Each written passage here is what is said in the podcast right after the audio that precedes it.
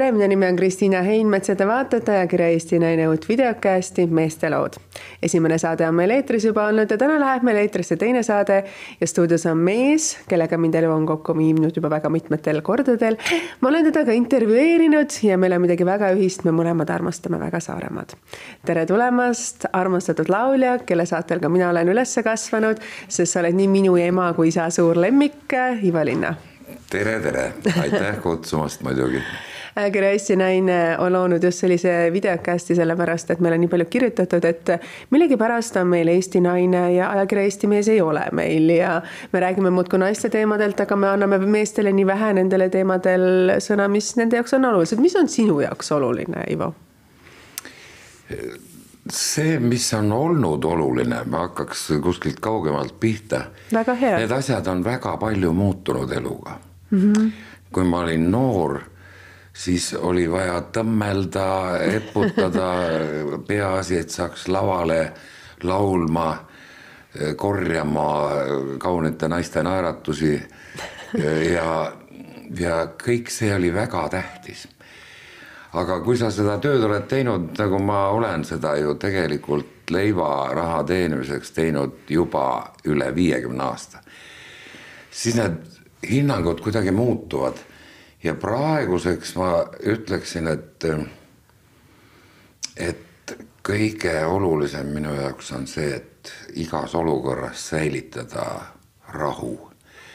mitte minna kaasa mingite juhuslikkude ebaõnnestumistega, no neid on ju kogu aeg, sul läheb mingisugune solgitoru umbe või kaob vool ära, sul ei ole vett Äh, ma ei tea, paar tundi juba, juba tekib paanika, eks ole, mis nüüd saab, midagi ei saa.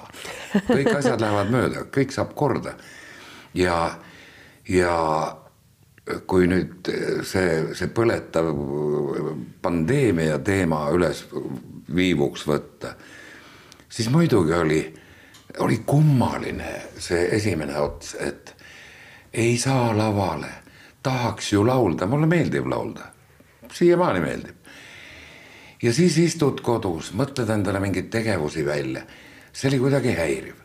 möödunud öö, aastal oli paus ja esimene paus oli kuskil kolm pool kuud.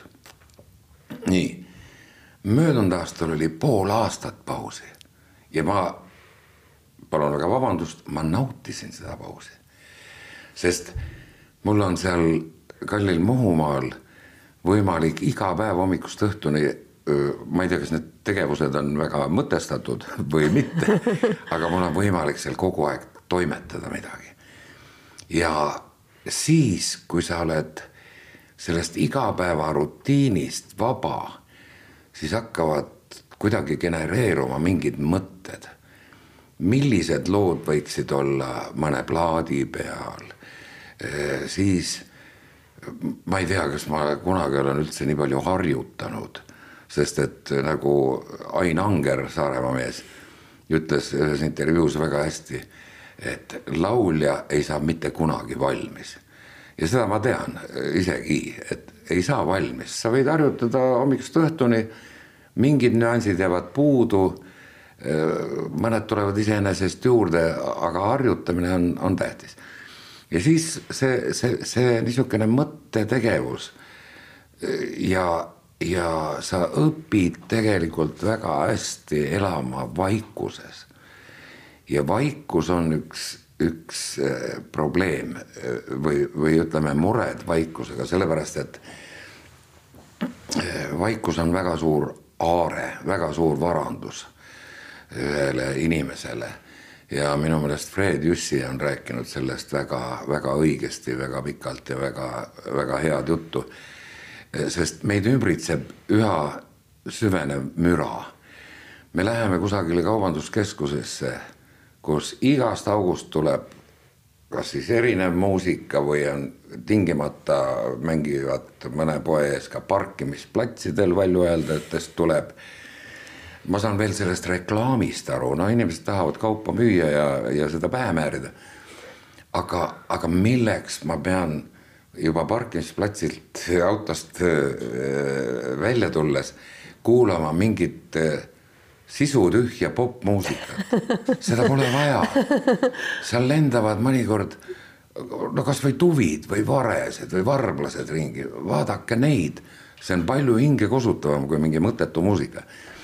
Et, et sa õpid maal eriti vaikust nautima ja, ja see väärtushinnangutest, kui veel rääkida, siis see vaikuses olemine, rahu iga hinna eest, see on nagu praegu minu jaoks kõige tähtsam asi. et mitte lasta enna, enda tujul alla minna mõne jah, mõne saatuse hoobi tõttu või olmemurede tõttu, pigem kuidagi konstruktiivselt need asjad selgeks endale teha. ja, ja, ja vot see on nagu, nagu minu tee olnud sa räägid nagu mõnes mõttes selliselt, sa oled jõudnud nagu oma juurte juurde tagasi. sinu isa oli ju raamatukogu hoidja. ta oli tegelikult äh,. koorijuht ja samamoodi ka preester. või õigeusu kiriku. ta oli preester. Eesti ajal. Ja pärast ta oli äh, siis Kingisepa rajooni äh, haridusosakonna juhataja natuke aega, aga kogu ülejäänud elu ja väga pikalt, seda oli ikka üle kolmekümne aasta, oli ta Saaremaa Koduloo muuseumi direktor. Nii et ta raamatukogudes ta, ta võis mingil hetkel olla pärast seda ka. aga, aga jah, ja, ja noh, võib-olla see on jäänud geneetiliselt sisse. ma olen ka igasuguseid ameteid proovinud, raadios, Kukus näiteks ja, ja ka pärast sõjaväge läksin ju Vikerraadiosse tööle, Rametosse ja neid ju telesaateid palju sa oled juhtinud, neid tele, ei suuda ju keegi üles lugeda. jah, aga, aga ma olen aru saanud, et iga kingsepp jäägu tegelikult ikka omadel istuda juurde. ja, ja mulle on see meeldinud, et ma olen suutnud siiski ühte sama ametit pidada. Ja olen, olen selles mõttes vastu pidanud kui sa räägid sellest ühest ja samast ametist, seda on olnud viiskümmend aastat. kui sa jagad nad nagu dekaadidesse või perioodidesse, võtame selle esimese perioodi, palju neid naiste südameid siis sai sinna kohvrisse korj korjatud kes seda ei mäleta. või neid me ei hakka üle lugema täna. no eh, eks neid, eks neid selliseid perioode võib seal eristada küll, sest et kui me hakkasime tegema kuuekümne viiendal juba mm -hmm. seal meie oma keskkooli bändi mm -hmm. seal Saaremaal. no siis oli, siis oli see kooli eputamise periood, et noh, vaadati kitarridega poisse, me käisime spetsiaalselt mööda Kingissepa linna eh, ilma kottideta kitarrid käes, et kõik näeksid, et ah, need on need kitarristid, jah. ja, ja nautisime seda esimest sellist äh, tähelepanu. ja no siis seitsmekümnendatel, no ma pääsesin juba tegelikult tänu Mati Talviku ja Leo Karpini kutsele esimest korda televisiooni juba aastal tuhat üheksasada kuuskümmend kaheksa. sa olid siis üheksateistaastane? ja, ja siis oli muidugi kummaline, et käin siis pärast seda telesaadet, ma olin Tartus, siis õppisin ülikoolis mööda Tartu tänavat, siis vaadati tagasi, ah see oli seal, see oli seal televiisoris. aga televisioon oli, ma olen seda korduvalt öelnud, televisioon oli nagu pühamu. kes sealt kõik sulle koridorides vastu tulid, noh, Mati Talvik ja, ja Leo Karpin sõbrunesime kiiresti, noored mehed tollal, aga tulevad seal Valdo Pandid ja ja Hardi Tiidused, sa oled neid näinud võib-olla teleekraanilt ja nüüd nad on elus siinsamas, ütlevad tere vastu. siin jalutab sulle Georg Ots, sealt tuleb Kalmer Tennossaar. no ühesõnaga Heli Lääts ja kõik, see oli, see oli tegelikult suur šokk. ja vahepeal ma olin kaks aastat sõjaväes, õnneks küll Tallinnas sõjaväeorkestris. ma sain televisioonis esineda ka mõned korrad selle aja jooksul. ja, ja siis hakkas nagu see mõtlemise koht mis minust saab, mis, mida ma tahan tegelikult. ja läksingi raadiosse tööle. aga ma sain äh, umbes aastaga aru, et see ei ole minu ala. miks? Äh, ma sain aru, et minust ei saaks kunagi head sellist süvitsi minejat ajakirjanikku, keda oli ümber seal küll ja küll, Lembit Lauri, Ivar Trikkel, kogu see Rameto poistekamp, eks ole. Ja ma sain aru, et paralleelselt lauldes siis Tallinn baari nimelises varjetees mm,. see oli ilus aeg et see on see, mida ma tegelikult tahan teha. kõik noored lauljad, Joalad, Tõnis Mägi, Lehtlane Porka ja ju kõik sõbrunesime. Olav Ehala, ma ei häbene teda geniaalseks heliloojaks pidada. üliandekas pianist. sõprus tekkis üks säde kõik nagu oleks lapsest saadik tundnud. Olav Ehala ansambel, siis äh, läksin ma kutse peale kõrtsilaulikuks Viru teisele korrusele restorani. mu vend kadunuke oli väga vastu, ütles, et paljud kõrtsimuusikud on ennast täiesti põhja joonud, sest pakkumist oli igal õhtul oi tere, Ivo, kuule, teeme väiksed napsid ka. kuidas sa hakkama said selle asjaga, kui sul no, oli selline, sa olid avatud sellisele asjale, kuidas sa hakkama said ju? aga, aga noh, natuke, natuke mõttetööd, noh, ega sa ei, see, see tilgakene alkoholi mõnikord, ta võib su tuju ju tõsta, eks ole mm. -hmm ja sulle võib tunduda, et sa kuidagi oled laval vabam ja, ja kõik edeneb paremini ja puha, eks seda on ka katsetatud aga lõpmatuseni sa ikka auru all tööd ei saa tehtud ja sellest saadakse aru. ja, ja see ei ole hea. see on enda otsus, et ma enda, nüüd end, täiesti enda otsus. võtan selle otsuse ja nii ja, on. ja nii on ja, ja endal kergem.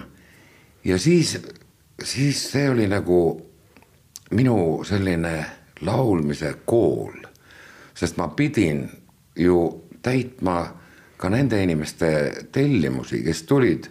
meil oli mingi stamp äh, oli noh, antud aja moodsad lood, ütleme. proovisime kõik ära lahvida.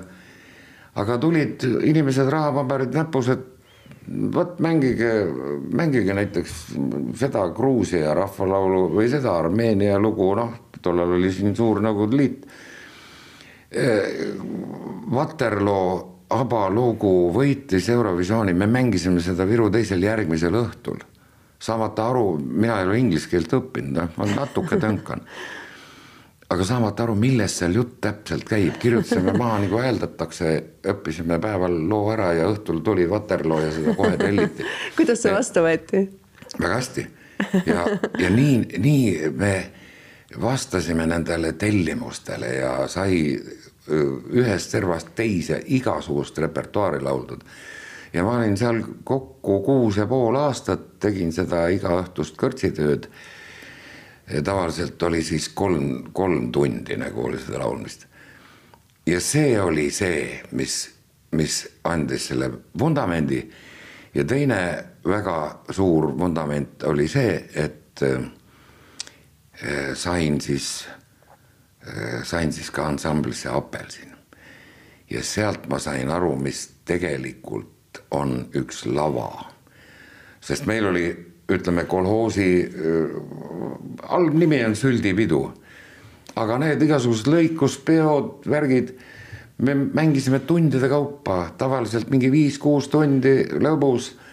ja, ja siis meil oli ka kontserte kus me pidime olema laval ikkagi andma endast kõik, et see publik, kes on sulle piletiraha maksnud, et ta saaks sealt vastu ka midagi. siis tuli kaks aastat mööda, mööda suurt Venemaad.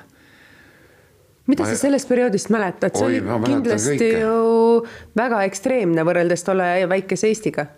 oli, oli, seal me esinesime suurtes linnades. no ütleme, võtame linn nimega Tšeljabinsk spordihalli mahub, ma ei tea, kakskümmend, kolmkümmend tuhat inimest no,. esimene kontsert hakkab hommikul kell üksteist. saal on puupüsti rahvast täis, teine kontsert hakkab, ütleme kell kaks, saal on puupüsti täis, miljonilinnad. ja need kontserdid olid suures plaanis olid ehm, sellised, et eh, apelsiniga me mängisime, ütleme ühe poole kontserdist, mõnikord vähem ütleme pooltunnikest, mõnikord nelikümmend viis minutit.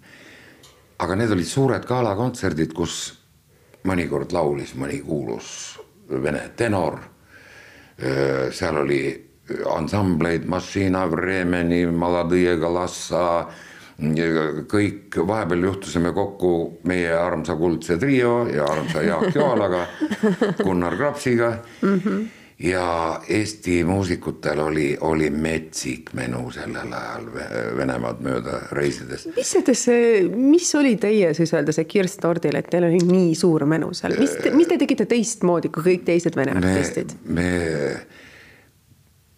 kuidas ma ütlen, kogu ilmselt sellel suurel laial Venemaal oli arvamus, et Balti riigid, nende hulgas siis ka Eesti, Balti Liidu vabariigid, et see on ikkagi lääs see on ikka lääne rahvas, nemad vaatavad Soome televisiooni ja nemad käivad Aha. teistmoodi riides. Nendel on välismaa teksad jalas ja, ja suhtumine on teistsugune. ja meie apelsiniga laulsime ju kõik lood öö, ikkagi eesti keeles. ja. Eesti keeles Venemaal. seal oli niimoodi, et oli üks naljakas popurii oli meil küll, Mati Nuude oli ju ka kambas meil ja Mati Nuude Siberis kasvanud poiss, vene keel perfektselt suus. ja siis ta laulis, mängis ise balalaikat ja, ja laulis siis mingeid vene rahvalaule nii-öelda nalja võtmes. aga me iga loo ette ütlesime oma, oma noh, mitte perfektses vene keeles selgituse, millest see järgmine lugu võiks rääkida.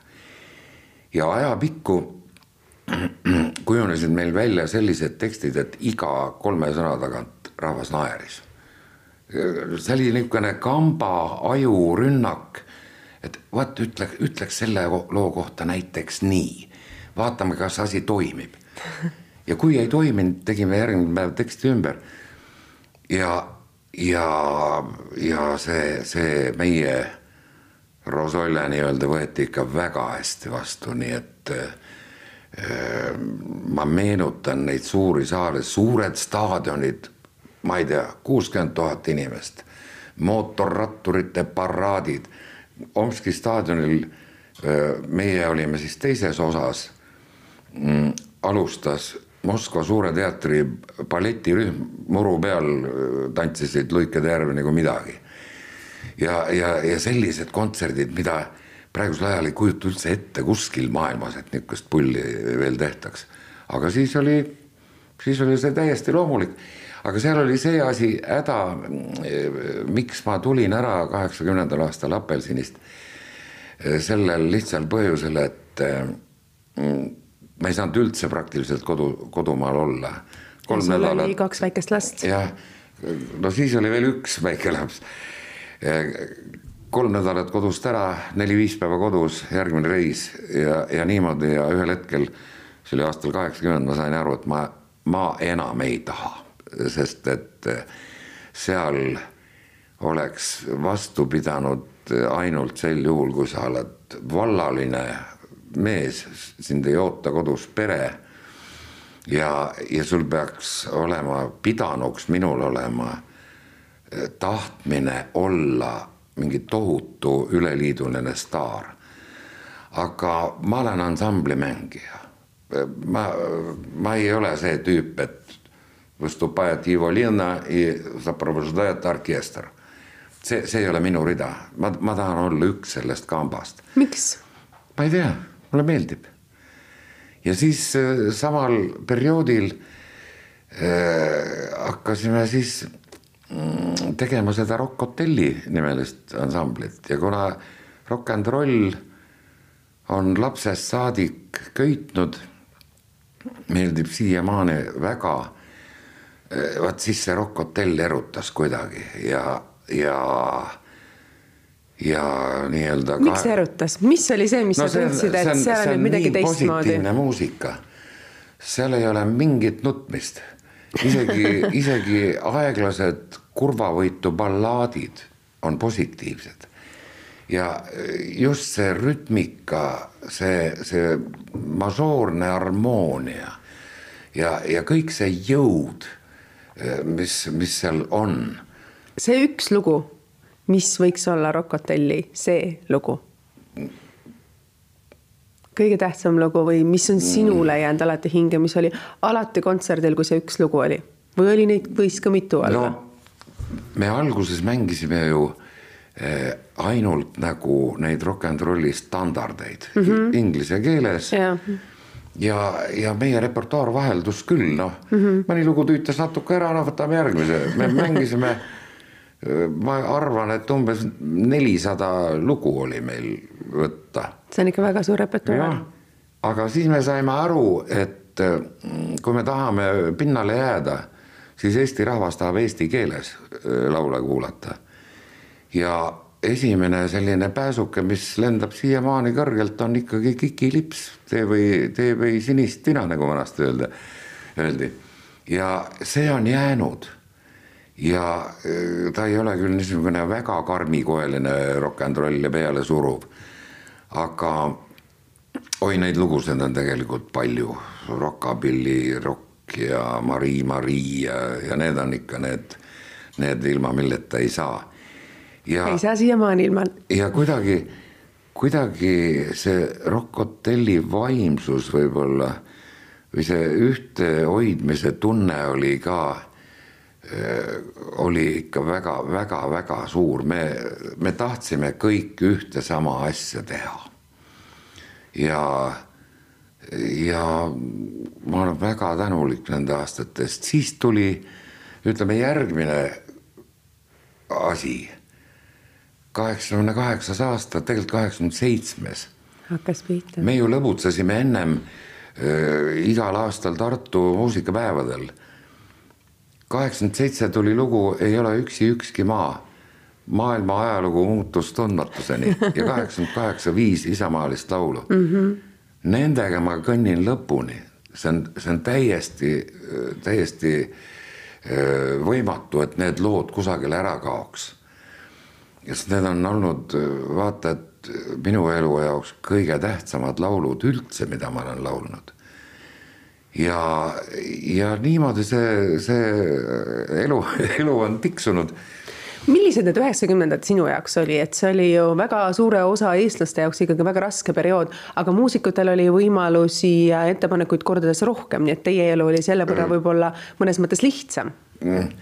meid tegelikult, ma ei tea, kas see sõna on üldse hea, päästis minu sõprus ühe Soome raadiomehega. Kes äh, kutsus meid äh, Helsingisse näiteks, Raadio Ykkönen oli see raadiojaam tollal, seda enam pole. me mängisime kaheksakümmend üheksa seal Kaivo Puisto festivalil ja mm, -hmm. ja niimoodi ja siis tänu jällegi tema sõpradele me saime üsna mitme aasta jooksul tööd Soome suusakeskustes. ja me olime siis ka pikalt ära, mõnikord kolm nädalat, mõnikord kaks nädalat. me saime selgeks, kuidas mäest alla lasta rahulikult.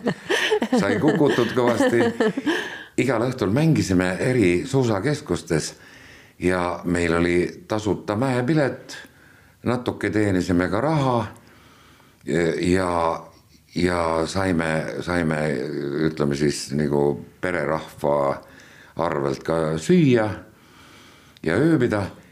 ja see päästis meid sellel raskel ajal alguses, mhm. üheksakümnendate mm -hmm. alguses vägagi, sest et rubla hind eh, Kukkus. langes kohutavalt.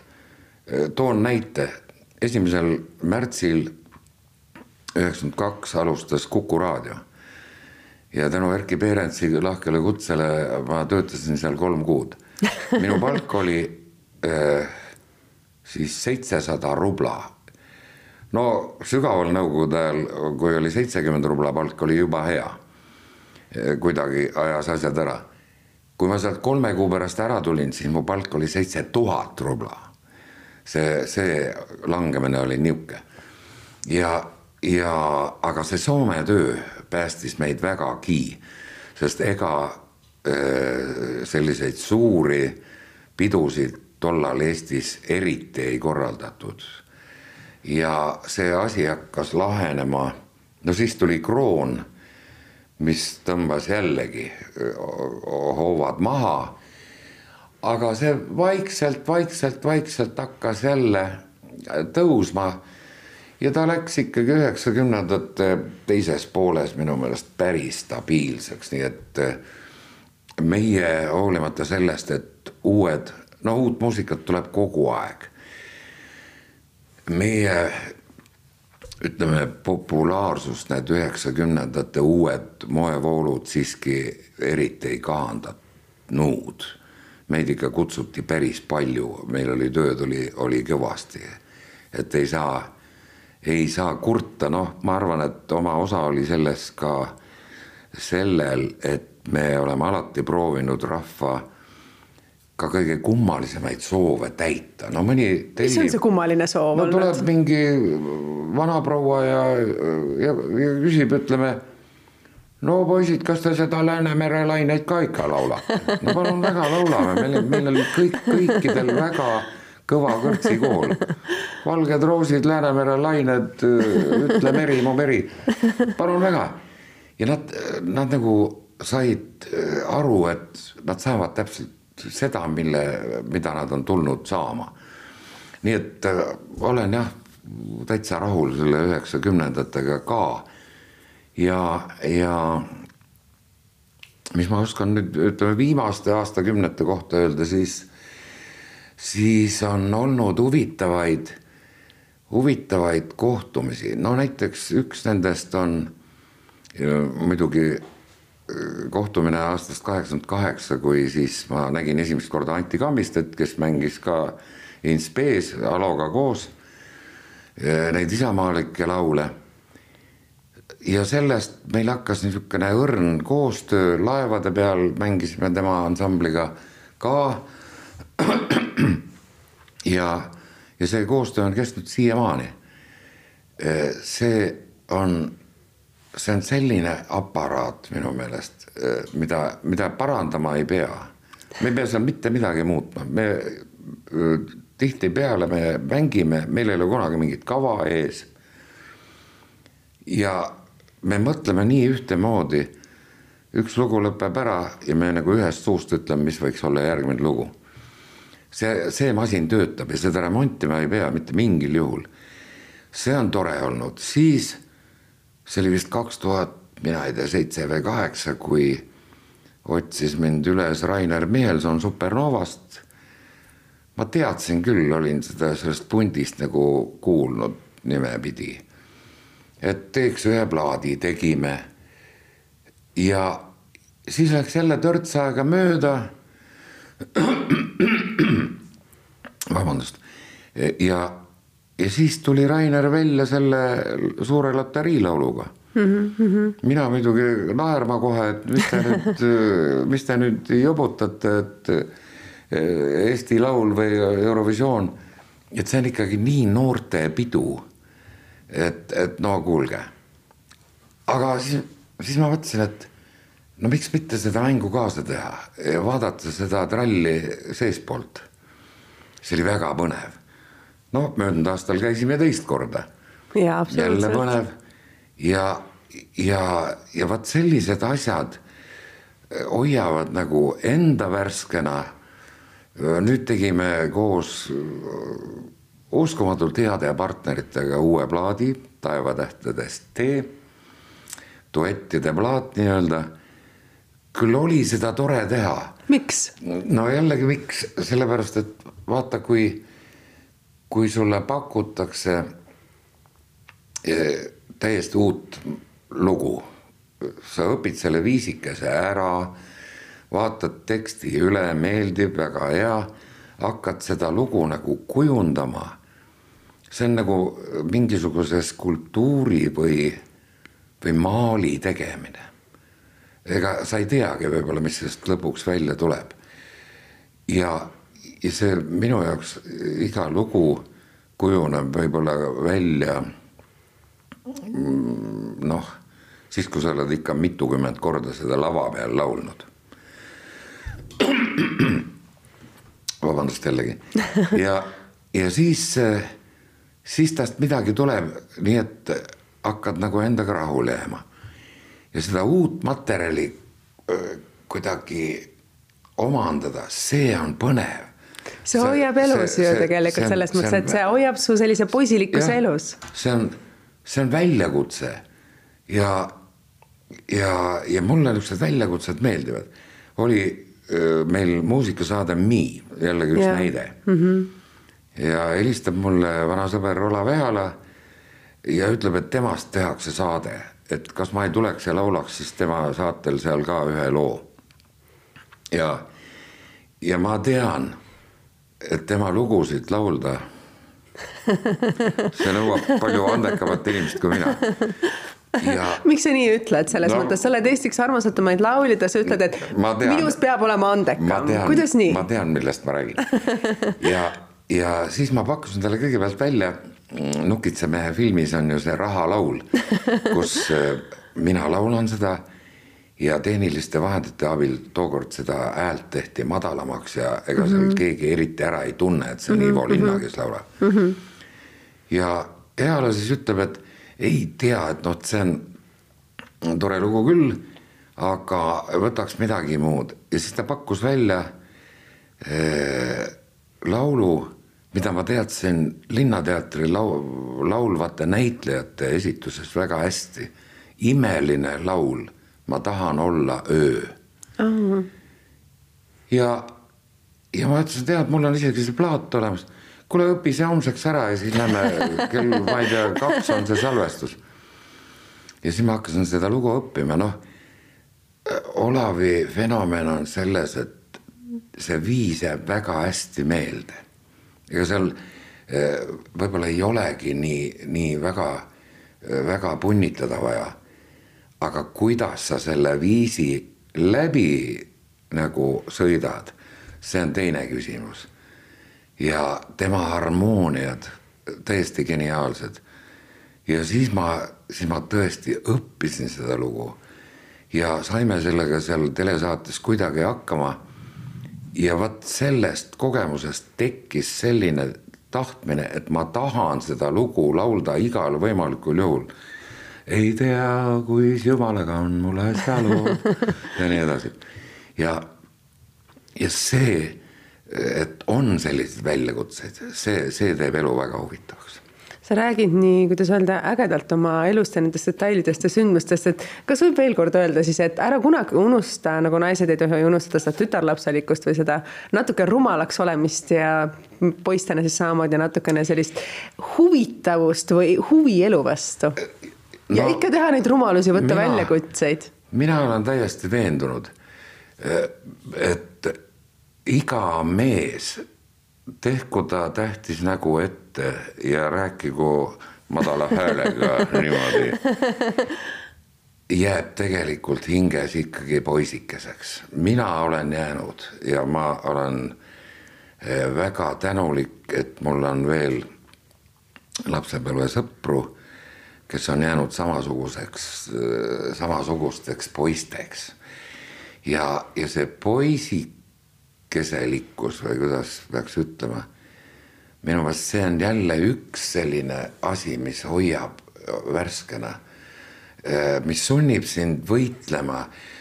sa püstitad endale mingi eesmärgi, sa, sa tahad kõigest väest ju ronida sinna puu otsa kõige kõrgemale, et kõik näeksid, kui kõva mees ma olen ja et see on jäänud hinge. uudishimu, lakkamatu uudishimu kõige uue vastu, sest et ma olen kuulnud küll, inimesi ütlevad, et noh, ma olen juba nii vana, e-, ega mind miski asi enam ei üllata. muidugi on neid asju, me oleme näinud palju, me oleme saanud kogeda, me oleme saanud tänu, ütleme uutele aegadele, me oleme saanud väga palju reisida me oleme näinud maailma mitte läbi televiisoriekraani või raamatulehekülgede, vaid me oleme kohapeal saanud käia, tunda, kes need võõrad on, mis seal toimub, mida nad teevad, mida nad söövad-joovad. Neid kogemusi on tulnud kuhjaga. ja ometi see, see huvi uue vastu, see on, see on täiesti, täiesti olemas ja ei ole midagi toredamat, kui näiteks istuda mohus ja vaadata, mis siis toimub. ja mis siis kuidas, toimub? kuidas sinu ninast kümne sentimeetri kaugusele, mul on seal niisugune tripplilled, kuidas see mesilane ikkagi tuleb sinna oma toidujahile? sa võid vaadata tundide kaupa nende tegutsemist. Putukad, mutukad, rääkimata suurematest loomadest, sa, sa õpid loodust jälgima, kuidas kevadel loodus tärkab, kuidas ta sügisel läheb uinuma. Need pildid on kogu aeg erinevad. ma saan kogu aeg vähemalt enda jaoks mingit uut informatsiooni loodusest ja see on see uudishimu, lakkamatu uudishimu.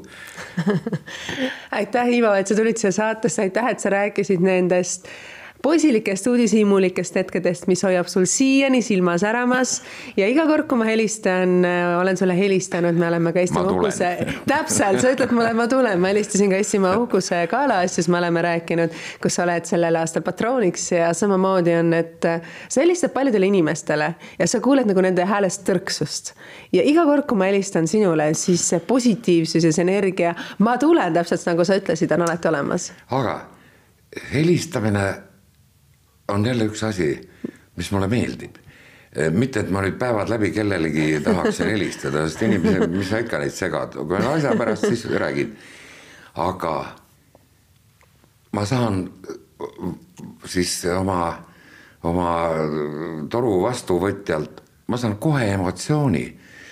ma saan temaga rääkida ma ei, ma ei ole see mees, kes võtan ja saadan ainult mingeid sõnumeid tuleb seal vastuseid ka muidugi. Ja puha. ma tahan elavat häält kuulda. Ja, ja sellepärast on hea helistada, nii et aitäh, et sa oled, oled helistanud ja helista teinekord jälle muidugi.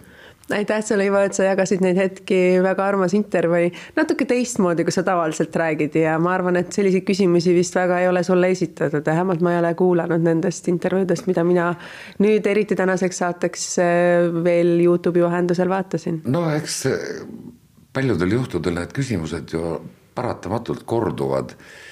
noorem seltskond ikka küsib ju seda, et no kuidas teist sai laulja, eks ole, no siis seletad pikalt, eks ole, ja niimoodi-naamoodi.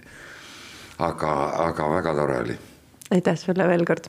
aitäh teile kuulajad ja aitäh teile vaatajad, ma loodan, et Ivo puudutas nüüd väikese ukse natuke oma sisemusse hinge, see, et talle meeldib loodus. Ja see, et ta ei ole kaotanud seda poisilikkust enda sees, hoiab tal silmasäravalt ja ikka ja alati meie Eesti kõige tähtsamatel telesaadetel lavadel olge Ait... terved ja hoitud.